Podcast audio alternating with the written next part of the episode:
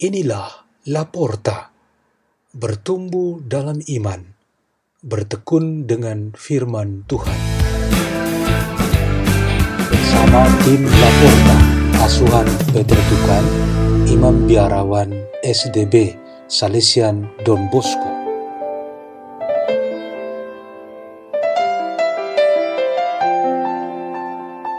Bacaan, bacaan dan renungan Sabda Tuhan hari Minggu biasa ke-20, 16 Agustus 2020, Hari Raya Bunda Maria diangkat ke surga.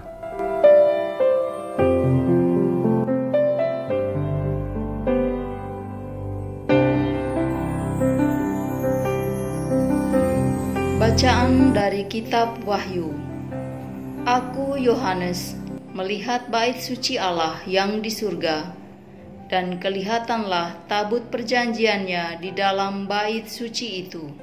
Lalu tampaklah suatu tanda besar di langit, seorang perempuan berselubungkan matahari dengan bulan di bawah kakinya, dan sebuah mahkota dari dua belas bintang di atas kepalanya.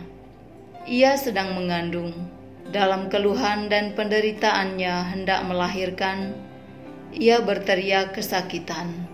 Maka tampaklah suatu tanda yang lain di langit, seekor naga merah padam yang besar, berkepala tujuh dan bertanduk sepuluh, dan di atas kepalanya ada tujuh mahkota. Ekornya menyapu sepertiga dari bintang-bintang di langit, dan melemparkannya ke atas bumi. Naga itu berdiri di hadapan perempuan yang hendak melahirkan itu untuk menelan anaknya segera sesudah perempuan itu melahirkan.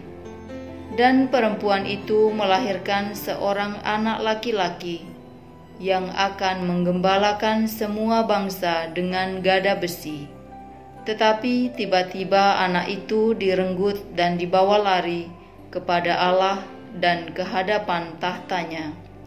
Lalu perempuan itu lari ke padang gurun, di mana Allah telah menyediakan suatu tempat baginya. Kemudian aku mendengar suara yang nyaring di surga.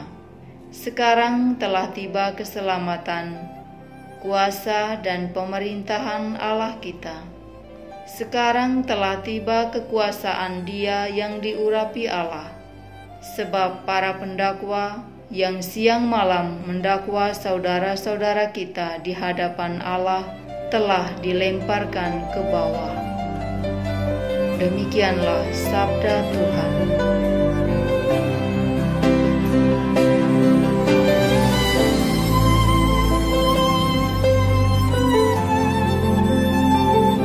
Pembacaan dari surat pertama Santo Paulus kepada jemaat di Korintus. Saudara-saudara, Kristus telah dibangkitkan dari antara orang mati sebagai yang sulung dari orang-orang yang telah meninggal. Sebab sama seperti maut datang karena satu orang manusia, demikian juga kebangkitan orang mati datang karena satu orang manusia karena sama seperti semua orang mati dalam persekutuan dengan Adam, demikian pula semua orang akan dihidupkan kembali dalam persekutuan dengan Kristus. Tetapi tiap-tiap orang menurut urutannya. Kristus sebagai buah sulung, sesudah itu mereka yang menjadi miliknya pada waktu kedatangannya. Kemudian tibalah kesudahannya, yaitu bila mana Kristus menyerahkan kerajaan Allah kepada Bapa, sesudah ia membinasakan segala pemerintahan, kekuasaan, dan kekuatan. Karena Kristus harus memegang pemerintahan sebagai Raja, sampai Allah meletakkan semua musuhnya di bawah kakinya. Musuh yang terakhir yang ia binasakan ialah maut. Demikianlah sabda Tuhan.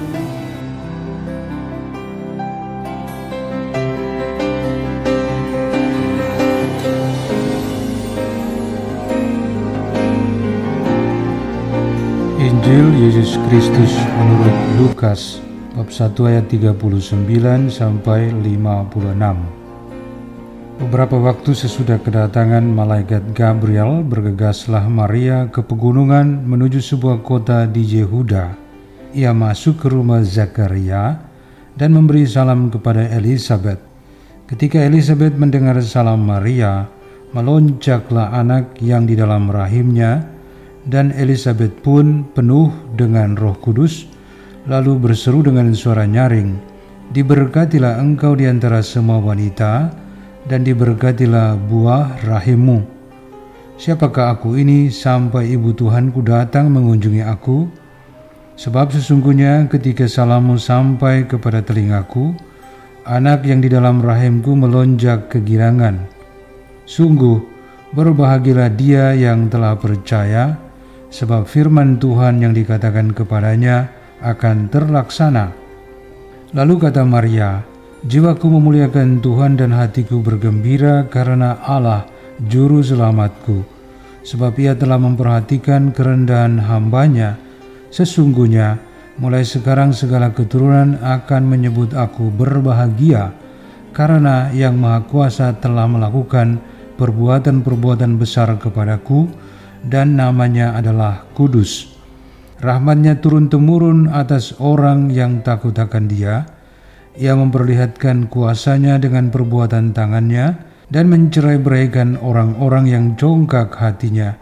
Ia menurunkan orang-orang yang berkuasa dari taktanya dan meninggikan orang-orang yang rendah. Ia melimpahkan segala yang baik kepada orang yang lapar dan menyuruh orang yang kaya pergi dengan tangan hampa. Ia menolong Israel hambanya karena ia mengingat rahmatnya seperti yang dijanjikannya kepada nenek moyang kita, kepada Abraham dan keturunannya untuk selama-lamanya. Kira-kira tiga bulan lamanya Maria tinggal bersama dengan Elizabeth lalu pulang ke rumahnya.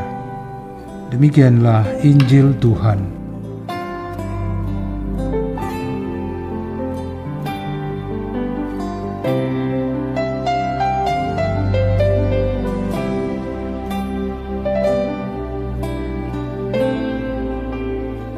Tema renungan kita pada hari raya Bunda Maria diangkat ke surga ini ialah Spiritus Facit Nobilem. Ungkapan bahasa Latin ini berarti roh membuatnya menjadi besar. Ada banyak sekali kejadian yang membuat kita merasa kagum, heran dan takjub. Misalnya, seorang anak desa yang sangat miskin memulai usaha dari yang sangat sederhana dan setelah 30 tahun berusaha, ia kemudian menjadi seorang yang terkaya di negerinya. Misalnya lagi, seorang anak pendiam, malu dan tidak pernah dipedulikan orang di sekitarnya. Setelah sekitar 30 tahun berlalu, ia menjadi seorang uskup dan semua orang di sekitarnya dulu ketika ia masih kecil harus memberinya hormat dan mencium cincin sucinya. Banyak sekali kejadian seperti ini membuat kita dapat bertanya, Faktor apakah yang paling utama mengubah semua ini? Seperti hari raya ini, kita juga bertanya yang sama. Faktor apakah yang membuat Bunda Maria yang sangat bersahaja dapat naik ke surga? Jawaban yang paling utama ialah karena roh Tuhan memungkinkan semuanya itu dapat terjadi. Roh Kudus membuat mereka menjadi besar. Kita dapat memberikan alasan lain seperti suatu keberuntungan, suatu perjuangan yang tanpa lelah dan penuh dengan kesabaran atau bantuan dari orang-orang di sekitarnya. Namun jika kita memiliki keyakinan bahwa kuasa Tuhan melalui rohnya yang bekerja, meski tanpa disadari karena sangat tersembunyi, kita sebenarnya memiliki sebuah konsep iman yang sungguh-sungguh benar. Nyanyian sukacita oleh Bunda Maria saat mengunjungi saudarinya Elizabeth antara lain memiliki tanda yang sangat nyata bahwa ia sendiri dibuat besar oleh Tuhan. Kehendak Tuhan terjadi sesuai yang diinginkan olehnya, maka saat kehadirannya di dunia pun sudah dibuat spesial yaitu dikandung tanpa noda dosa. Ia kemudian menjadi pintu bagi terjadinya inkarnasi, menjadi bunda Allah dan akhirnya melahirkan putra Allah, Yesus dari Nazaret. Semua perbuatan sangat spesial dari Tuhan kepadanya sungguh membuatnya menjadi besar dan sangat dihormati. Sampai detik ini, Bunda Maria tetap spesial bagi kita karena Roh Kudus membuatnya besar, dan rahmat ini tidak pernah hilang daripadanya. Kalau Bunda Maria ingin memberikan kita satu atau dua nasihat, khususnya saat kita merayakan pestanya pada hari ini, kita dapat memintanya untuk mengajarkan kita menjadi besar di hadapan Allah dan sesuai dengan yang dikehendaki Tuhan. Maria tidak bisa terlepas dari Tuhan Yesus putranya, sehingga ia pasti menasihatkan kita untuk senantiasa taat kepada Tuhan kita, Yesus Kristus. Ketaatan itu ialah mengikuti jalannya, yaitu jalan salib, kebenarannya yaitu kebenaran salib, dan hidupnya yaitu salib kehidupan. Marilah kita berdoa dalam nama Bapa dan Putra dan Roh Kudus. Amin. Ya Tuhan Yesus, ajarilah kami untuk selalu dekat dan bersama Bundamu Maria di dalam jalan salibmu.